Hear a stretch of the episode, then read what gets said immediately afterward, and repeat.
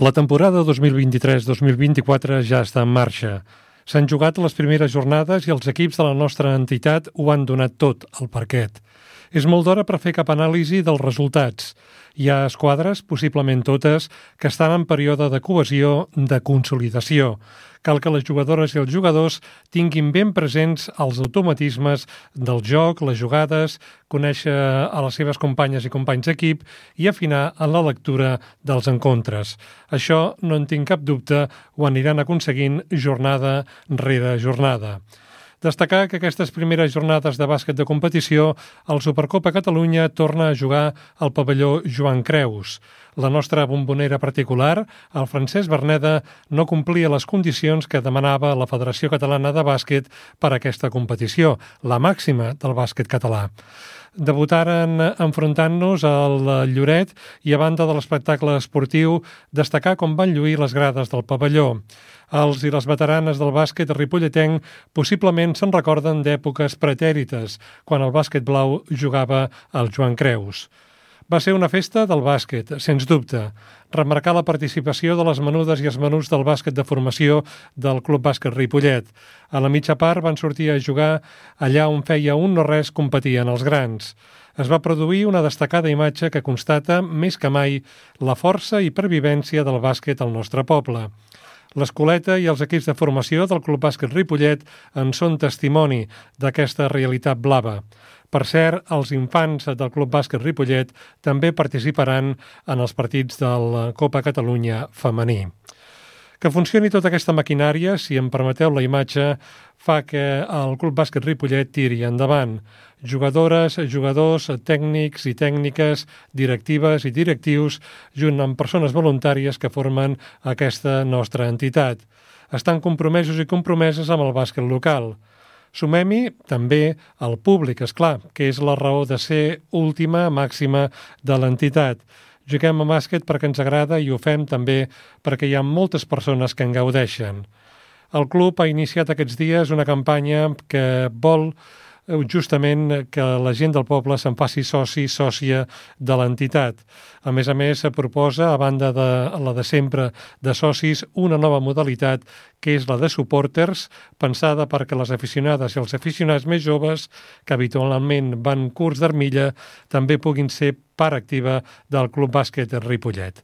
D'aquests temes i d'altres en parlarem en el Cor Blau, el programa del Club Bàsquet Ripollet, a la sintonia de Ripollet Ràdio. Som-hi!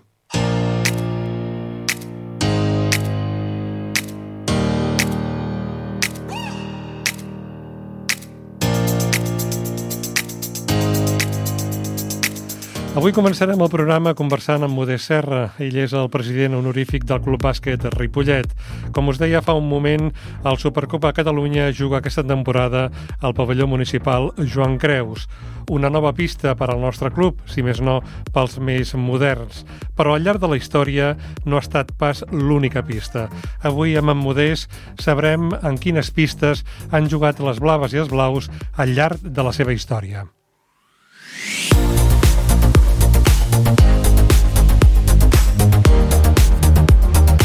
Ens visitarà en aquesta edició del Cor Blau corresponent al mes d'octubre en Ramon Argenter. Ell és tota una institució en el món de l'esport a Ripollet. Parlarem amb ell de les seves experiències vinculades amb aquesta pràctica esportiva. Des del seu estimat Club Tenis Taula Ripollet a les moltes emissions radiofòniques parlant d'esports, amb Ràdio Ripollet i Ripollet Ràdio, a banda d'altres mitjans locals. Repassarem l'agenda del club per al cap de setmana del 21 i 22 d'octubre. Ens en saltem un de cap de setmana al proper, atès que per alguns i algunes afortunades serà festiu. Les diferents esquadres del club tampoc competiran, faran festa. Tot això i una mica més aquí, a la sintonia del 91.3, a la sintonia de Ripollet Ràdio i escolteu Cor Blau.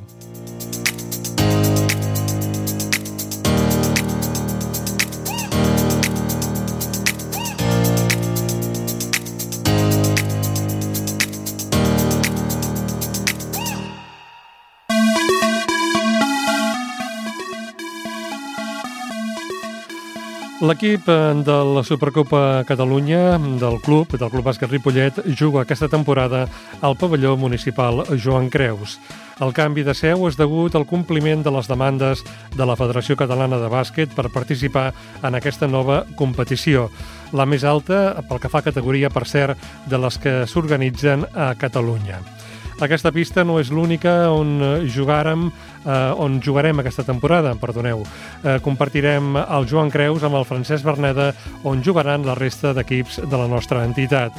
Un cop constatat aquest fet, avui volem parlar de les pistes on ha jugat el Club Bàsquet Ripollet al llarg de la seva història. Per fer-ho ens acompanya aquí a l'estudi de Ripollet Ràdio el president honorífic de l'entitat, Modest Serra. Salutacions, Modest. Hola.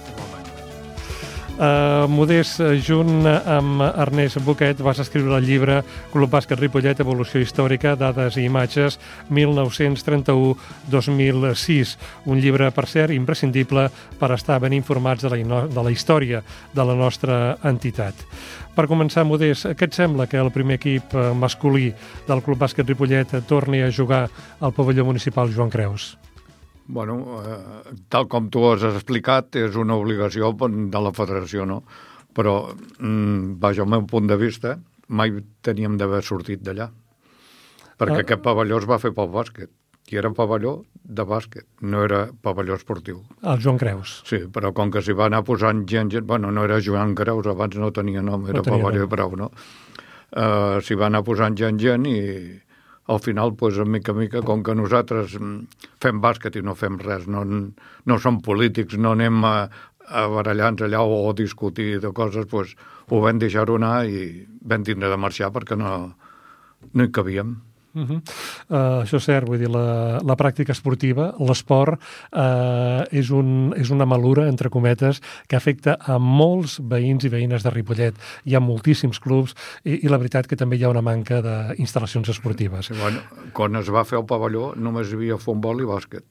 No hi havia res més. El, ten, bueno, el tenis taula, suposo? El ten, bueno, el, sí, però era un altre... El tenis taula, en aquells moments, ho feien a dalt al centre moral i en tenien de sobres, diguem, de lloc perquè, és clar, eh, precisament tu abans has nomenat el Ramon Argenter, ell ja jugava també, que també va començar els seus pinillos també en, en, en bàsquet. bàsquet també. En el món del bàsquet. En parlarem, en parlarem d'això amb en Ramon Argenter. Sí, sí.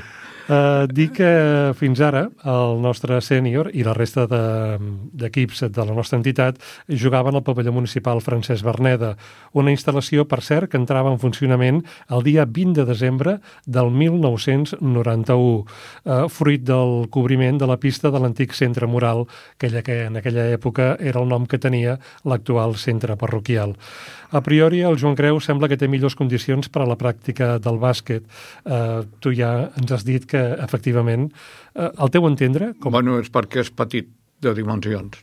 El per jugar en aquesta categoria té un mínim i un màxim. Per jugar a les altres té un altre mínim i un altre màxim. El Berneda, vols dir? Sí, el Berneda amb la, amb la categoria que jugàvem l'any passat encara t'ho permeten. Ara en aquesta ja no, aquesta ja ha de ser com si tens de jugar a Lliga Nacional, tens de tindre aquestes mides. Uh -huh. I a més a més, eh, hi ha més espai per les banquetes... Sí, sí, no, no, més, bueno, eh, una de les raons també és aquesta, que en l'altra, o sigui, com que en aquesta categoria hi ha d'haver-hi una o dues persones més ja a la taula, i aquí es pot fer, en canvi allà no hi ha puesto. Uh -huh. allà, allà cap just la tauleta aquella petita i para de comptar. Uh -huh. Vas tenir oportunitat d'anar a veure el primer partit del sí, sènior? Sí, uh, vaig ser-hi, a Sabadell. A Sabadell, el que sí, van jugar fora, però, natació. però aquí el Joan Creus? Sí, també. També. Sí. Què vas sentir quan el bàsquet va tornar a jugar? Bé, de fet, a veure, atenció, eh? hem de ser fidels al que diem. Uh, de fet, si juga a bàsquet, perquè el club uh, bàsquet Gasó uh, hi ha jugat moltes, moltes temporades, enguany sembla que jugaran al Berneda, però fins ara jugava a bàsquet. El que passa que pel que fa al club bàsquet Ripollet feia molts anys que no hi jugava. Bueno, uh, des, que es va, també uh, hi va haver un any que es va pujar l'EVA i també es va fer perquè hi ha, hi ha uns estatuts en aquí que, o sigui, en la categoria que està, han de deixar pista. L'han de deixar. Amb un club qualsevol que pugi a, no sé exactament la categoria que és, perquè jo amb això no m'hi poso, però vull dir, han de deixar-la. Uh -huh. d'acord que es van posar d'acord amb qui fos, perquè, esclar, s'ha d'arribar a un acord, sempre no, però...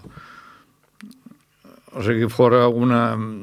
Les categories on juguen els diversos equips marquen eh, tenir una prioritat per poder jugar en aquelles sí, pistes que sí, hi hagi. Sí. Molt bé, però suposo que mm, alguna cosa en el teu interior t'hauria sentida positiva quan el bàsquet tornava no, a jugar. No, sí, sí, sí, sí. Perquè, Perquè tu, tu, tu, tu allà hi havies jugat. Home, i tant. Vam inaugurar contra el Picadero. Vam estar mig any jugant a Barberà per no tenir la pista coberta.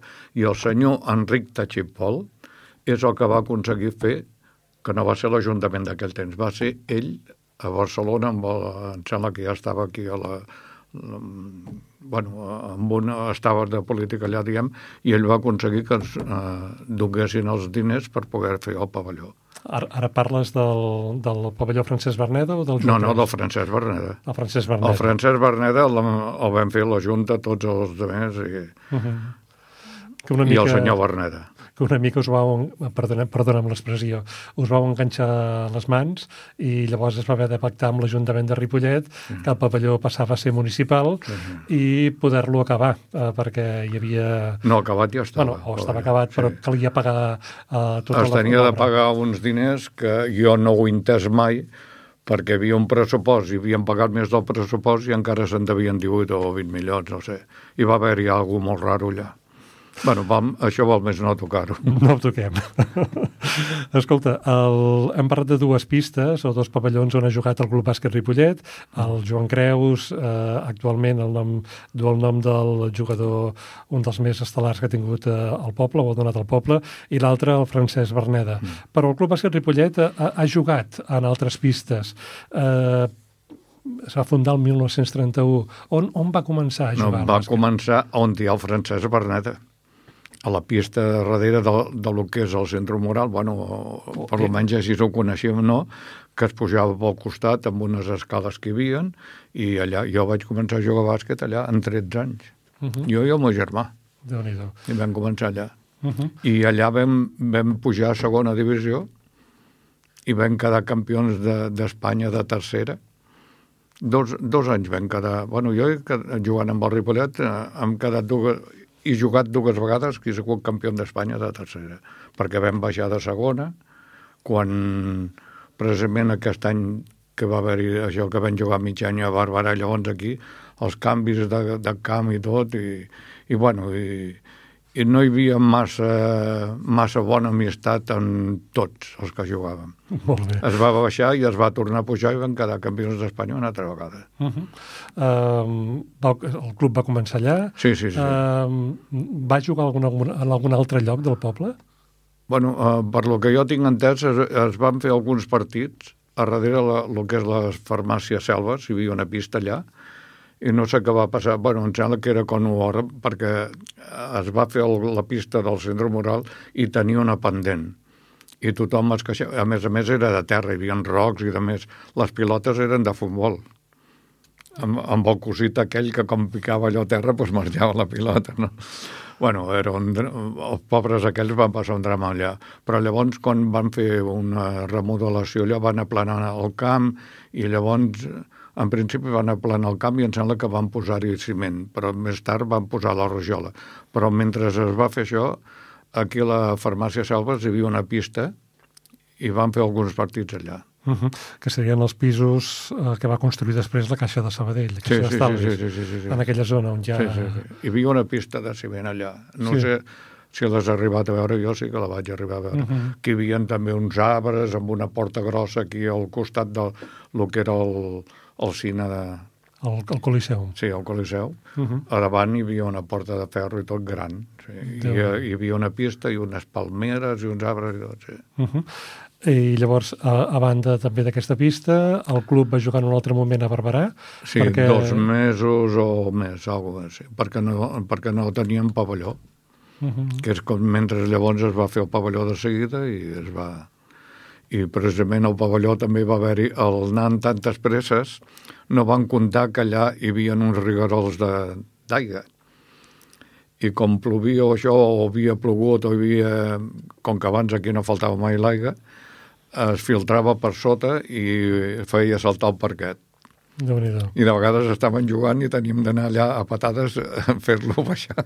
El Francesc sí. Berneda. Llavors, tot el que és allà darrere van fer una sang, que això ja va fer l'Ajuntament fonda, ho van emplenar de formigó mai més ha tornat a haver-hi aigua. Molt bé. Uh, una pista, per cert, el Francesc Berneda, on s'ha jugat molt. Uh, hi hauria també aquesta pista que comentes, al darrere de l'actual farmàcia Selves, mm. allà aquesta pista, també el Joan Creus, uh, haver de utilitzar la pista de Barberà eh, per motiu de la construcció del Francesc Berneda. Alguna pista més que tu sàpigues o no s'ha bueno, jugat? Bueno, el, el primer no, però els altres equips aquí al poliesportiu, jo portant el sènior B, vam jugar-hi dues temporades al poliesportiu, mm -hmm. amb una pista d'aquelles que hi ha. El mal que allà ara, com que no hi vaig als vespres, no sé, però com fèiem entrenos, doncs hi havia dies que no t'hi veies i no podies entrar a la boira que hi havia. Uh -huh. Perquè, esclar, aquest és un altre tema que volia comentar amb tu. Um, el club, um, amb el pas del temps i en diverses circumstàncies, anat mantenint la flama del bàsquet encesa al nostre poble.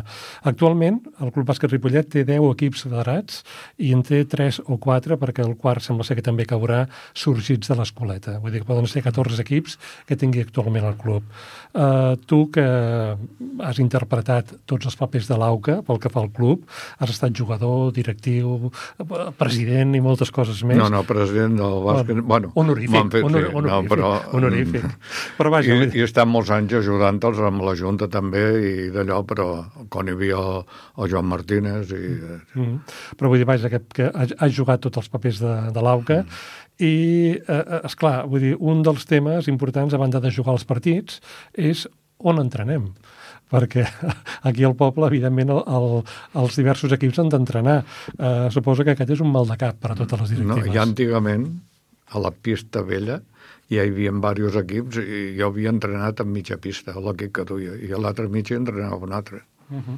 I antigament, eh? ara només teníem aquella pista i prou, i, bueno, i no hi havia res més. déu nhi Perquè el, el... Perdó que talli, no, però digues, digues. El, el anar fent bons resultats al primer equip, què passa? Que la gent s'aboca més a anar-hi i més joves volien jugar a bàsquet. Clar, a la que venien, doncs, eh, no diràs mai en, que no a ningú, pues, es feien més equips i llavors pues, entrenàvem a mitja pista un i mitja pista l'altre. Uh -huh. Tu vas ser una, una mica culpable també d'això, culpable en el bon sentit de la paraula, perquè a banda del Club Bàsquet Ripollet també va ser una part promotora de l'ESBAR. Sí. L'escola de bàsquet de Ripollet, sí, també sí. d'allà van sortir molts equips, sí. uh, la pista que hi ha al costat, diguéssim... La vam, la vam fer nosaltres, el que passa que no sé per què la van derrocar, perquè estava més bé que el que hi ha ara encara, mm. i la van, van dir que la o sigui que els, els polítics havien pagat per fer una pista, la van derruir i la van fer nova al mateix lloc. déu nhi És, uh, està a la Rambla, a la Rambla Sant Esteve sí. i, i allà, doncs... Uh, no, no, encara segueixen dient encara la, la pista de les bars. Com fan alguna la pista de les bars. S'ha quedat com la pista de Un any vam arribar a portar més de 400 crios, eh? Jo en duia tres equips déu nhi Entrenant-los i fent-los jugar i de més. déu nhi A casa, bueno, a casa ja em deien que em quedés allà que no tornés. El que sí que és cert és que Ripollet és un poble que té moltes entitats i persones que practiquen eh, algun sí, esport. Sí. Uh, tu vas viure una època en què el poble doncs, no tenia tants habitants com ara no, uh, i on uh, tampoc hi havia tants clubs dedicats a l'esport. El futbol, el bàsquet, el ciclisme i no massa més, el tenis taula potser. Què en penses, què en penses tu ara, ara uh, d'aquest esclat esportiu que viu Ripollet? No, és bo és bo. Jo no, cuidado, jo no me'n poso a cap, a cap esport d'aquí de, del poble, unir en lloc, no? O sigui, jo he dit això del pavelló perquè és veritat. El bàsquet han fet dos pavellons aquí a Ripollet. Els altres no han fet res. Tots s'ho han trobat. Diuen, coi, sempre aneu penjats, sí, però sempre anem penjats però pagant. Els altres, mira, ho, ho tinc, només mantenir els equips ja en tens prou. Doncs pues, i això fer una pista i així com vam fer eh, ens va penjar per molts anys, eh?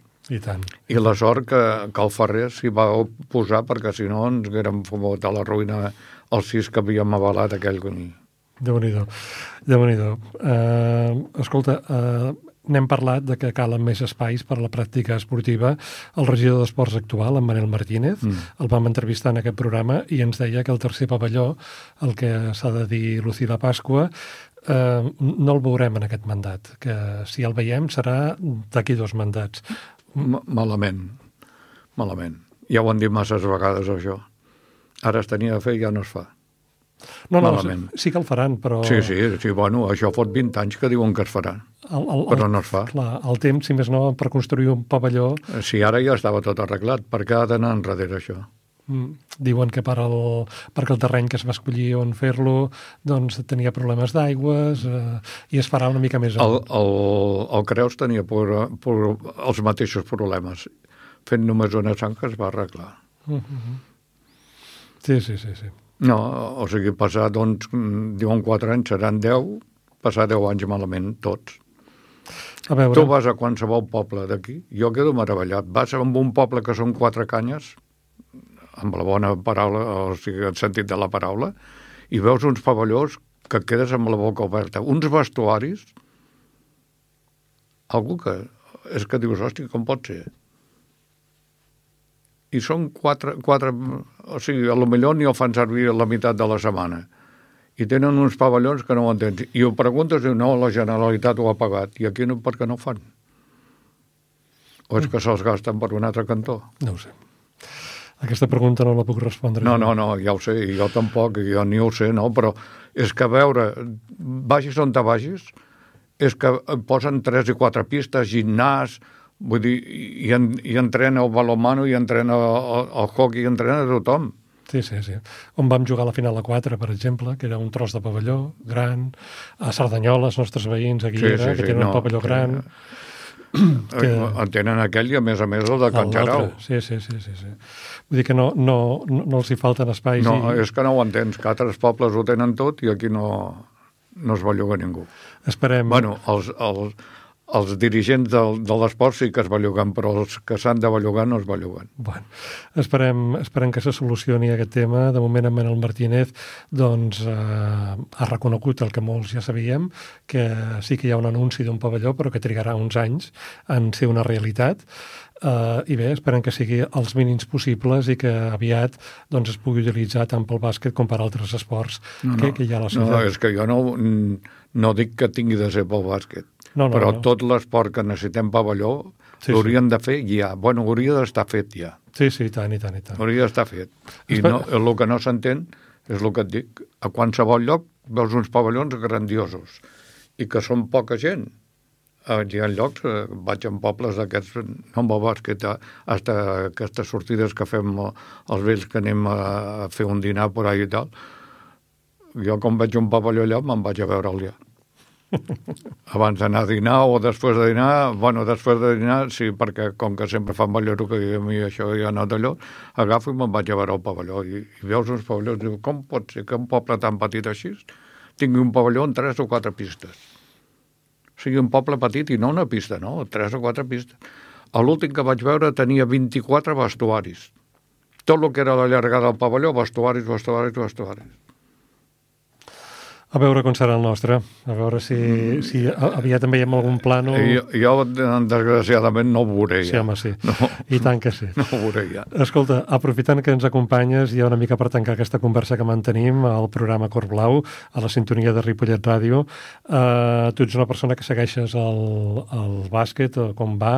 Eh, com veus el moment actual del Club Bàsquet Ripollet, aquesta temporada que hem començat? El que és els jugadors, bé i aquesta setmana van perdre perquè no sé saps, però el Roger va estar ingressat tres dies, a, o sigui, a, un dia va anar i un altre també així perquè tenia pedres i això. I el Roger, si no funciona el Roger, aquest equip no funciona. El Roger Vilanova? Sí. No ho sabia. Sí, sí, sí. No. Encara, eh, jo, jo em pensava que no jugaria, perquè jo, la meva dona, ho ha tingut moltes vegades, per desgràcia, això de la pedra ho pateix molt, i queden fets caldo jo no sé com va poder... I, i aquell home que estava en quilo no ho entén perquè el Roger hi havia moments que no podia. Uh -huh. Fes-el descansar una estona. De fet, eh, el Modest... I falla el Roger, Ripollet no hi és. De fet, el Modest fa referència al partit que el Club Bàsquet Ripollet va jugar amb el Lloret, mm. que va perdre d'un punt. Eh, hi va haver una colla, sí, no, no, sí. una situació complicada al final, amb decisions molt qüestionables El, el temps és molt, molt qüestionable, però el més vergonyós és que aquell jugador va entrar molt tros dintre de, de la zona dels tres i van donar-ho com a tres i, i la taula no va tindre nassos de dir que ho havia... perquè ells ho van veure. Uh -huh. Ho van estar parlant i allà doncs, no es van atrevir a dir... Com que l'àrbit ja havia dit de tres... Molt bé. Bueno, però doncs, són coses que passen. Això és història.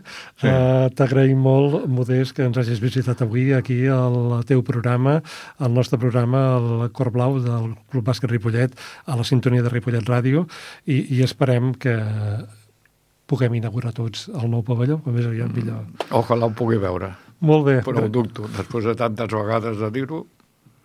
Vinga, siguem una vale. mica optimistes. Gràcies, Modest. Gràcies. Vale.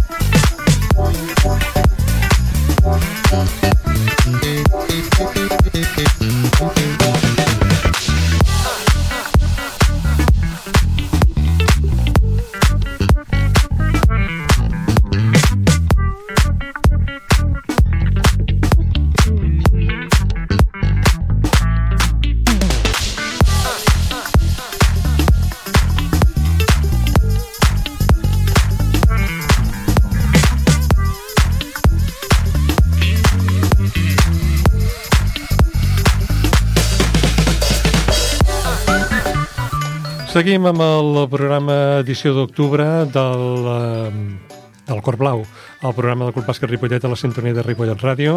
Ramon Argenter, benvingut. Bona tarda. Uh, Ramon, uh, tu ets una persona doncs, que podies explicar-nos 50.000 històries del món de l'esport al nostre poble. El tenis taula especialment és la, la teva passió. Sí. Però, com deia Modest Serra, que ens ha deixat fa un moment, ell ja ha llançat que vas tenir el teu coqueteig amb el, amb el bàsquet. Bueno, jo vaig començar al bàsquet. Jo vaig començar a jugar a bàsquet precisament amb el Modest Serra, Salvador Serra, Ernest Buquet, i el que em va prendre el lloc va ser l'Alvarez. Em va prendre el lloc perquè estava jugant jo, que en aquella època l'entrenador que teníem al bàsquet era el Raurell, el senyor Raurell, i es va fer uns equips, els grocs, els verds, els blaus i els vermells. I els verds eren els bons. I tots eh, no estaven fitxats pel Club Bàsquet Tripollet. I llavors eh, del, van quedar campions els verds, que eren els bons que es deien, no? I eh, passar el revisor metge per fitxar amb el Ripollet, amb l'equip juvenil, Uh, a mi se'm va trobar a mi que em deien que tenia el cor d'atlètic, que se feia més... Can... Va, això vaig entendre de petit jo, bueno, de 14 anys, de que se feia més gran d'un cantó que l'altre i que tenia que parar de fer esports. De moment. I jo vaig estar dos anys sense pujar al camp del bàsquet, perquè quan pujava al bàsquet i veia els companys jugant no fotia plorar. I m'anava a casa, no es podia veure. Anava cap a casa i a plorar, plorar, plorar. I al cap d'un temps em diu, bueno, això ja és passat, ja està, no sé què, pots, ja faré tot l'esport que vulguis, pots continuar. Què va passar? Jo et recomano que relativament pels braços fessis natació o tenis taula. Llavors ja continuaràs amb el bàsquet. Clar, natació a Ripollet no hi havia res. Tenien que anar a Sabadell. Què passava? Molts jugadors del Club Bàsquet Ripollet jugaven a tenis taula. Clemente López, el Pons, el Carmelo Vera... Eren jugadors de tenis taula i jugadors I les juntes del tenis taula i bàsquet eren els quasi els mateixos. Perneda, Dausà, saps? I llavors, va, clar, doncs em vaig dedicar al tenis taula.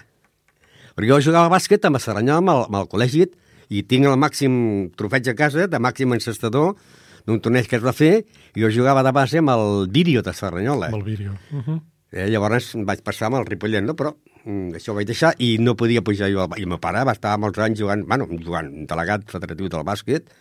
Ripollet, mi germana va ser de l'equip fundador de, del bàsquet femení, i estat sempre molt lligat al bàsquet, el que passa que, doncs, per aquestes circumstàncies, llavors ja em va tornar a costar molt, va, va un any jugant a pivot ja em va costar molt tornar a entrar al bàsquet, ja, no, ja ho vaig desfer-ho, però uh -huh. jo vaig ser home de bàsquet. Uh -huh. Si no hagués tingut això, Muñoz encara estaria al bàsquet. I tant, i tant. Però vaja, en certa manera hi estàs perquè uh, suposo que en aquell moment, en aquell moment històric que ens comentes, en aquest poble hi havia pocs clubs, sí, poques sí, sí. opcions esportives. Uh, només hi havia el club bàsquet, el Ripollet, que era el més antic, Club Bàsquet Ripollet, el tenis del Ripollet i el Club Ciclista Ripollet. Ciclista, sí, sí.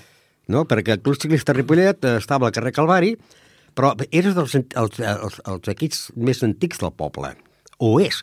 El que passa que van quedar a deure calés a la Federació Catalana de, de, de Ciclisme durant la guerra, i llavors va passar que es va canviar de nom i va entrar un nom, un nom diferent, i van perdre aquesta antiguitat. Però si parléssim, jo crec que el més antic és el, el Club sí, Ciclista. dels anys, dels anys 30. El que passa que ara han semblat, han semblat el 75 aniversari, però és clar amb el nom de Club Ciclista Ripollet. Sí, sí, perquè abans eren penya ciclista, sí, algo sembla. sí, sí, que estava sí, sí, al carrer sí, Calvari, que durant molts anys, molts anys, Sí. sí. molts anys, encara hi havia el cartell de la penya Sí. sí. ciclista Ripollet. Sí, sí, sí, sí, i tant, i tant. Vaig tenir l'oportunitat de parlar amb els responsables actuals i em van comentar això que dius. Sí, sí, sí, a més a sí. més, aquest tema econòmic, no? que hi havia un Sí, sí, deute sí. que la federació el volia cobrar i van Llavors canviar canvia de nom i ja va estar. i van canviar el nom i va estar.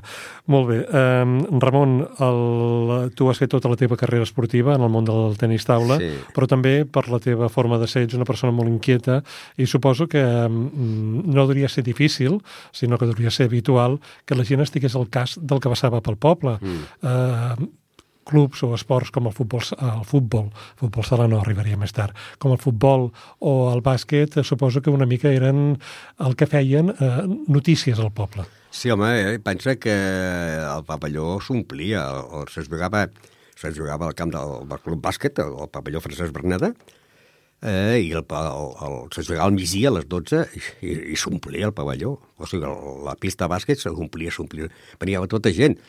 I generalment en aquella època, doncs, a millor jugaven el diumenge al bàsquet i a la tarda al futbol. I llavors la gent cap al futbol. Però, i, i, i el tenis taula, a dalt oblíem, que inclús fèiem les 24 hores i, i les fèiem en, en, el teatre, les fèiem a la sala del cine del teatre, del, centre parroquial, no? Però esclar, no hi havia res més. No hi havia res més, perquè molts, molts van començar, molts esports van néixer en el, en el, a la pista, perquè el pista, recordo que jo vaig estar un any ajudant-los, el Club Hockey Ripollet va començar a patinar allà, i van posar porteries amb dos, dues totxos d'aquells que porten forats, de briques, i un pal, i allà entrenaven a hockey.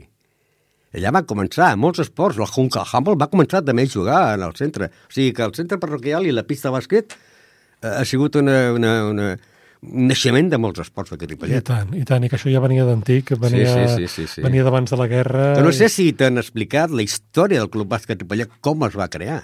Explica, explica. Eh, resulta ser que eh, Amics del Teatre és una entitat molt antiga del poble també, no? Mateix que la Coral de Ripollet. I un dia van anar a, a veure una obra que, que anava com a convidats a Hospitalet. No sé si va ser Hospitalet o, o, o al Centre Catòlic de Sants. Jo diria que va ser hospitalet. Hospitalet, oi? I llavors vam veure jugar a bàsquet. Coi! I llavors que, antigament, llavors, quan anaven a l'escenari, es van posar a jugar a bàsquet en l'escenari. Si quedaven l'ensaig de teatre a les 10 de la nit, anaven a les 9 i jugaven a bàsquet dintre l'escenari. I a partir d'aquí et diu la història que es va crear el Club Bàsquet Ripollet. Mm -hmm. Sí, sí, no, no, va sortir d'aquí del, de l'actual centre parroquial segur, mm -hmm. perquè a més a més premsa, premsa de l'època, la revista Shoot en fa referència, mm. també la revista Talaia fa referència a la creació d'aquest club, diguéssim, amb el suport de la Junta del centre en el seu, en el seu moment. Escolta, eh, tu a banda del món de l'esport també has estat molt vinculat, eh, i estàs vinculat al món de la comunicació, mm. especialment a la, a la ràdio i durant molts anys has fet eh, seguiment de les activitats esportives del, del poble. Tu has anat veient com aquest poble ha crescut esportivament. Molt, molt, molt, molt. Molt perquè, és clar, de parlar del Club Bàsquet Ripollet, del futbol, del tenis taula i alguna carrera que es feia l'any del Club Ciclista Ripollet, però no era cada jornada com, com passava amb els altres esports, es van anar creient, creant eh, entitats noves, va sortir l'industrial de Ripollet, va sortir la penya deportiva Pagaril, i llavors es van anar incorporant altres esports, el, el hockey Ripollet, el handball, i cada vegada més entitats. Amb el bàsquet va aparèixer el Gassó, també, amb dos o tres equips, l'A, el B, l'equip femení, i cada vegada hi ha hagut més, més competició, no? Hi ha hagut, hasta, jo me recordo quan feia el programa deia que del repartiment de premis el, havíem repetit 33 trofeus.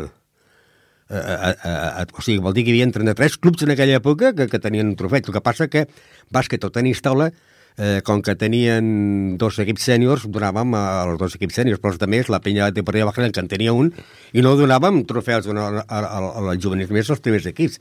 Ja repartien 33 trofeus, i ara potser hauríem de repartir en 60, perquè hi ha molts esports que s'han creat, perquè han inclòs dos equips de handball. I cosa tant. que trobo una miqueta... És com el bàsquet, no? Jo crec que hi hauria d'haver un club de bàsquet. Aquest, aquesta és una eterna, una eterna discussió, eh, no sé, en el cas del bàsquet, eh, i potser no tinc tota la informació, però el, n'hi ha tres actualment. Sí. Hi ha, hi ha l'equip de l'AMPA de l'Escola Sant Graviel, sí, hi ha el Club Bàsquet Ripollet i hi ha el Gasó. Sí, passa que jo Sant Graviel sempre no el comptava, com, sempre el comptava com, com a escola, escola, escola, i això que és un club. Sí, sí, ofici oficialment, sí, sí, sí, sí. oficialment és l'equip de l'AMPA de l'Escola Sant Graviel. Així apareix en els documents de la federació. Però, com tu bé dius, eh, hauríem de mirar-nos el que fan, per exemple, els veïns, el que van fer en el tema del futbol, amb el futbol, amb el futbol sí. unificant tots els clubs que hi havia, i potser hauríem de fer alguna cosa El que passa és que dic vol perdre el nom. Ja. Perquè això, amb l'Àngel Esteve, que jo vam estar durant molts anys, vuit anys vam estar a l'Ajuntament de Ripollet, però no com a polític, sinó votat pels clubs. Jo vaig ser el número 1 votat pel, pels clubs per, per entrar al patronat municipal d'esport i l'Àngel Esteve va ser pels col·legis. I això van proposar l'Àngel Esteve, jo vam proposar-ho ja. Però, esclar, en aquella època només hi havia el Pajaril, Industrial i Ripollet. El Ripollet ja tenia equip de base. El Pajaril tenia un parell d'equips juvenils. Industrial tenia un juvenil no tenia res més. Ja es va proposar en aquella època, però, esclar, ningú volia perdre el nom. Jo, l'industrial, no volia perdre el seu nom. La penya partida Bajaril tampoc. Llavors ningú es volia dir entrar dintre el Ripollet. I ara continua passant exactament igual. Però mira, la Serranyola està jugant Lliga Nacional. La tercera? Uh, I a més a més juguen, van, allà sí que van canviar el nom. Sí, sí, sí. Cerdanyola del Vallès Futbol Club, em sembla que es diuen, i no és el cap dels noms. Que era, abans era Centre Esport Cerdanyola, potser, no? Sí, sí, em sembla que han, han fet un sí. canvi d'aquest tipus i, i així funcionen. Bé, potser és una, és una idea que podríem seguir quan hi ha bones idees el tema, el tema recollir En aquella època hi havia, i abans de tot això, el Ripollet jugava amb dia al cap de Cerdanyola. Allà era el Camp Masot. Sí. Allà se jugava a bàsquet. Ai, a, a futbol. A futbol. I llavors Ranyol tenia la font de, de, de, de Neiva, que també tenia, tema una zona molt maca, que no, que no sé el que hi ara, però ell també s'havia jugat a futbol. déu nhi uh, Ramon, el, actualment, com tu bé deies, al poble hi ha moltíssims uh, clubs, mm. hi ha molta gent que fa esport, mm. això suposo que és, una, és un orgull per Ripollet que siguem un poble esportiu. I a més a més, pensa que, a més d'això, eh, tenim eh, bàsquet, tenis taula, patinatge, i a l'atletisme que, que, que estan participant a campionats d'Espanya, campionats del món i campionats d'Europa. I el futbol sala. I el futbol sala està jugant ara a Lliga Nacional. Vull dir que són esports de que... que eh, eh, jo me'n recordo quan anàvem a jugar eh, on sou vosaltres? De Ripollet? Ah, país, del poble dels gitanos. Entenc, el del poble dels gitanos, com que hi havia els gitanos a Serranyol, eh? I ara no, ara va, anem a jugar i ara un àrbitre em diu Fa 50 anys que faig àrbit i no he vist mai cap campionat que n'hi hagi gent de Ripollet. Entens? I, I això passa també amb el, amb, el, amb el patinatge, que està fent bons papers fora de, de, de Catalunya, i l'atletisme. I també l'atletisme està en manques de, de... Hi ha una, una sala que... Hi ha un, un lloc d'entrenament que, que hauria de ser unes pistes de competició bones, no?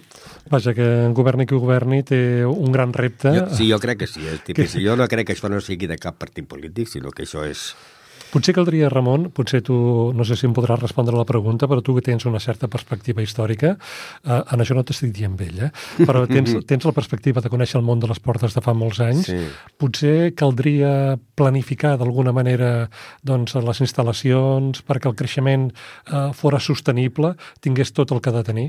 Sí, Jo, amb l'Àngel, eh, havien dit de, de que eh, el pavelló d'esports de Ripollet, allà es tenia que haver fet, a partir del pavelló d'esports de Ripollet fins a arribar als Pinatons, era fer totes les instal·lacions esportives.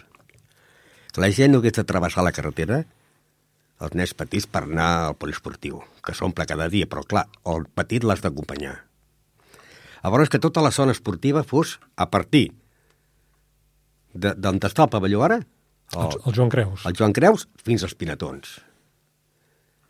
Allà hi hagués tot. El pavelló, pavelló nou, pavelló, allò que de Modesto que l'he sentit, que a tot, hi ha pobles mm, que han creat pavellons. Jo, ell, ell parla d'aquí, jo, jo he estat voltant tota Espanya. Hi ha uns pavellons grandíssims, però hi ha poca, poca, poca competició.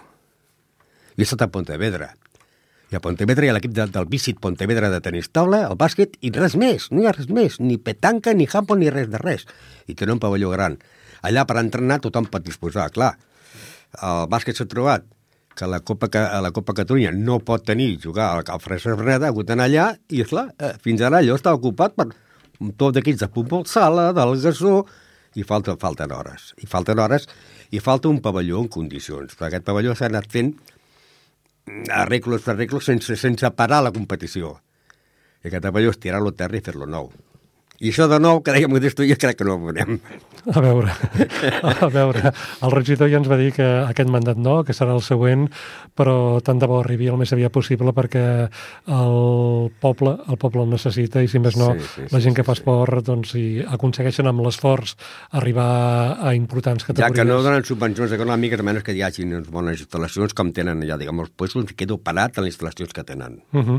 uh, Ramon, tu també tens eh, que- una perspectiva sobre el que et comentaré. Fer esport, malauradament, no és gratuït. No. Els clubs uh, han d'invertir molts diners amb moltes despeses. Oh, les hores, mira, sí. poden ser de voluntariat, però moltes despeses, com pot ser pagar a les persones que venen de la Diputació per donar, de la Diputació, de les federacions per donar fe dels partits, eh, àrbitres, eh, taules o el que sigui, hi ha molta despesa Molta, i llavors, molta. i llavors, esclar, doncs, eh, cal aconseguir els recursos perquè això funcioni.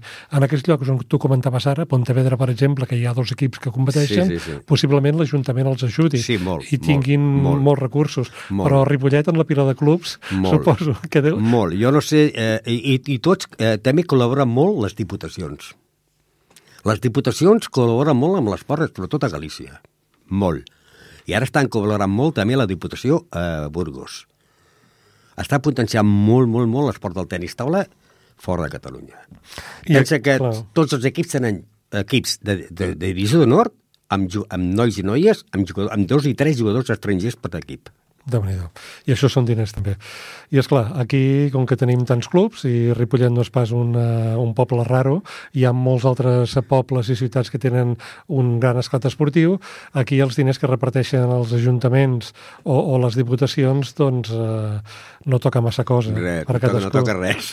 No toca En, res. en aquest sentit, eh, suposo que eh, veuràs amb, bons, amb bons ulls que el Club Bàsquet Ripollet doncs, hagi engegat una campanya per aconseguir més socis, sòcies, que també es faci una campanya per supporters, eh, és a dir, amb una quantitat molt petita de diners, doncs tens una pulsereta del club.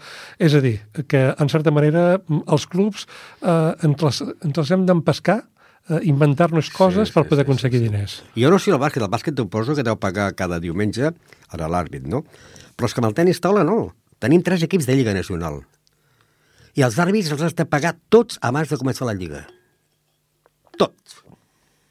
L'únic que cobren l'àrbit aquí és el desplaçament.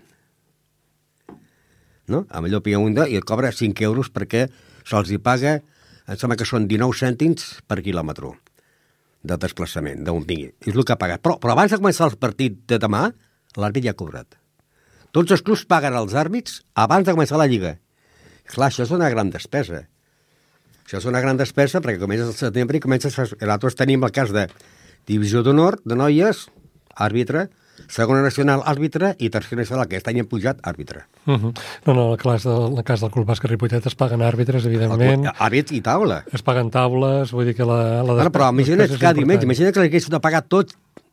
Et venen 20 partits i que paguis ja 20 àrbits de cop i 20 taules de cop. Sí, sí, no sé, no sé ben bé com va, no... no... Nosaltres, jo, jo, jo no estic a la Junta, però vaja, que també hi ha mecanismes d'aquest tipus per fer pagaments i, i vaja, a veure que el club funcioni. Llavors, és clar, el sector comercial del poble, pel que fa a sponsoritzacions, eh, és un tema complicat. Eh, sí. Malauradament, Ripollet ha perdut eh, força comercial, però així tot eh, hi ha molts comerços o empreses que ajuden. Sí, mira, eh, això va passar un any aquí a Ripollet amb el, amb el, amb el futbol, que em sembla que va ser l'Ajuntament, no ho puc assegurar, va buscar un sponsor per al Ripollet, cosa que està mal fet. Perquè, com a mínim, dius, ostres, si sóc Ajuntament, doncs busco un sponsor per... Qui són els equips més representatius que hi ha ara donant nom de Ripollet amb lligues bones? Bàsquet, doncs bàsquet. I això fa molt Galícia. Eh, I van buscar, em sembla que si los hermanos Ferrer, algo així, que van donar una subvenció només al, al futbol. No, estem parlant d'un equip que està jugant a tercera, a, a segona regional. No és el mateix que la Copa Catalunya de bàsquet, que t'has un pas per, per, per, per voltar tota Espanya, eh, o el tenis tal, o l'atletisme. Doncs això a Galícia ho fa molt. Els ajuntaments, a veure, quines empreses tenim aquí? Aquests. Escolta, tu has de patrocinar aquest equip, tu aquest equip i tu aquest equip. I això aquí no es fa. Uh -huh. o, o no es pot fer, perquè potser no fa, o... els, diners, eh, els diners que es recullen... Perquè hi ha molta indústria a Ripollet, eh? Clar, igual van a parar a la festa major, van a parar altres... Amb els equips que sempre anem a Cal Papet, a Cal Mariano i a Cal Josep, i tots anem al mateix lloc, i els pobres aquests diuen, no, no, escolta'm, prou, perquè, escolta, menys tu i ben tothom. I això passava amb el, amb el senyor Francesc Berneda. Sí, i tant, i tant, i tant. I, tant. I anaven els de la Petanca, i anava el, el Berneda va ser el, el fundador del Club Tenis Taula Ripollet, i va ser el que em va nombrar president a mi. Doncs tothom anava, i llavors anava... Mira, hasta et, et recordaré que inclús, quan vam anar al Ripollet a fer la promoció, primera promoció que es va fer a Valladolid, Ràdio Ripollet, que estàvem al carrer Calvari, va demanar subvenció a Berneda per pagar dos reporters per poder anar a fer la, la que va pagar el Berneda, també. Tothom anava al Berneda, no? I aquest era el problema de Ripollet, que tothom anem al mateix lloc i visca el pit diu, prou. I tant, i tant. Um, a banda d'aquest suport dels filàntrops dels, dels clubs, que, que, segueixin com sigui, però que segueixin perquè són necessaris. Sí, això sí, això sí. També les famílies doncs, paguen el que poden, les quotes, el que sigui, i, i més o menys més o menys anem fent. Uh, pel que comentes, podem deduir doncs, que el club, o el poble, perdó, té una bona salut esportiva. Sí, sí, sí. sí, sí. Tu com, com veus que serà el futur de que, del Ripollet com a poble esportiu, poble d'esports? Jo crec que cada vegada hi haurà més esports que pujaran a l'èlite si el futbol sala eh, pujarà, jo crec que el, tota aquesta gent pujarà. Però si hi ha bones instal·lacions, també puges, puja més no, per l'esport, no? Perquè si pots entrenar tres dies i, i només pots... Jo no sé el bàsquet, però el bàsquet deu entrenar un dia en el pavelló, o cap dia. Tenen un dia. Un dia. Un equip que juga a Copa Catalunya que pugui entrenar un dia en el lloc, sembla ser que el dia que juga a casa també juga fora. Sí, sí, en certa manera, però vaja, no és un cas únic. Eh? Vull dir, ja, ja, no, no. Hi ha equips de la comarca que també hi ha aquest esclat d'esports de, que estan en la mateixa situació. Jo veig que pujarà molt si hi ha instal·lacions bones, noves. Perquè si no la gent se'n va a un altre poble, sí, se'n va a un altre sí, lloc. Sí, sí, sí, sí. O sigui, vaja, que és un actiu del poble que hem de, que hem de Jo crec mirar... que sí, que convé un pavelló nou que, hi haguessin, que es pogués fer de tot allà. Pavelló gran, com hi ha tot arreu. Hi ha pavellons al cas del tenis taula, quan es fa les campiones d'Espanya, pensa que hi ha 40 taules en un pavelló. No les àrees de joc.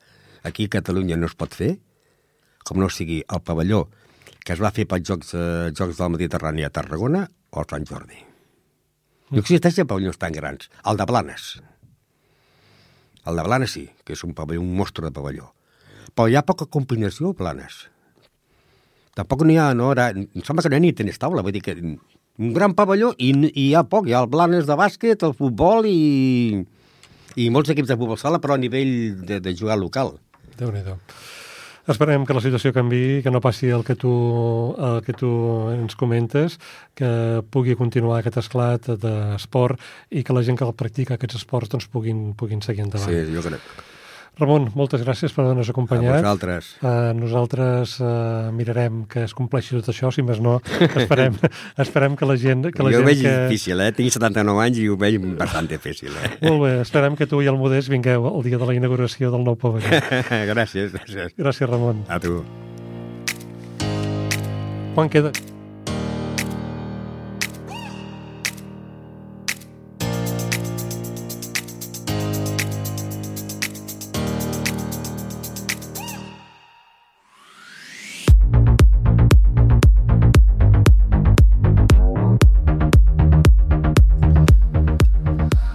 Marxem. El programa que hem fet avui es repetirà el dissabte 14 d'octubre a les 6 de la tarda a la sintonia de Ripollet Ràdio, al 91.3 de la FM. Agrair la feina feta per en Jordi Puy a les vies tècniques i dels equips tècnics i de producció de Ripollet Ràdio. Ens han fet molt fàcil la feina a l'hora de fer aquesta estona del 91.3. Agrair també la col·laboració i la complicitat de les dones i els homes del Club Bàsquet Ripollet i a la ciutadania en general. Tornarem amb un nou programa serà el dijous, dia 9 d'octubre d'enguany del 2023. Dir-vos que fins llavors salut i bon bàsquet i recordar que aquest cap de setmana vinent no hi ha partits, no hi ha competició. Ja hauran de saltar el següent cap de setmana per trobar els equips blaus en competició. Adeu-siau, salut i bon bàsquet.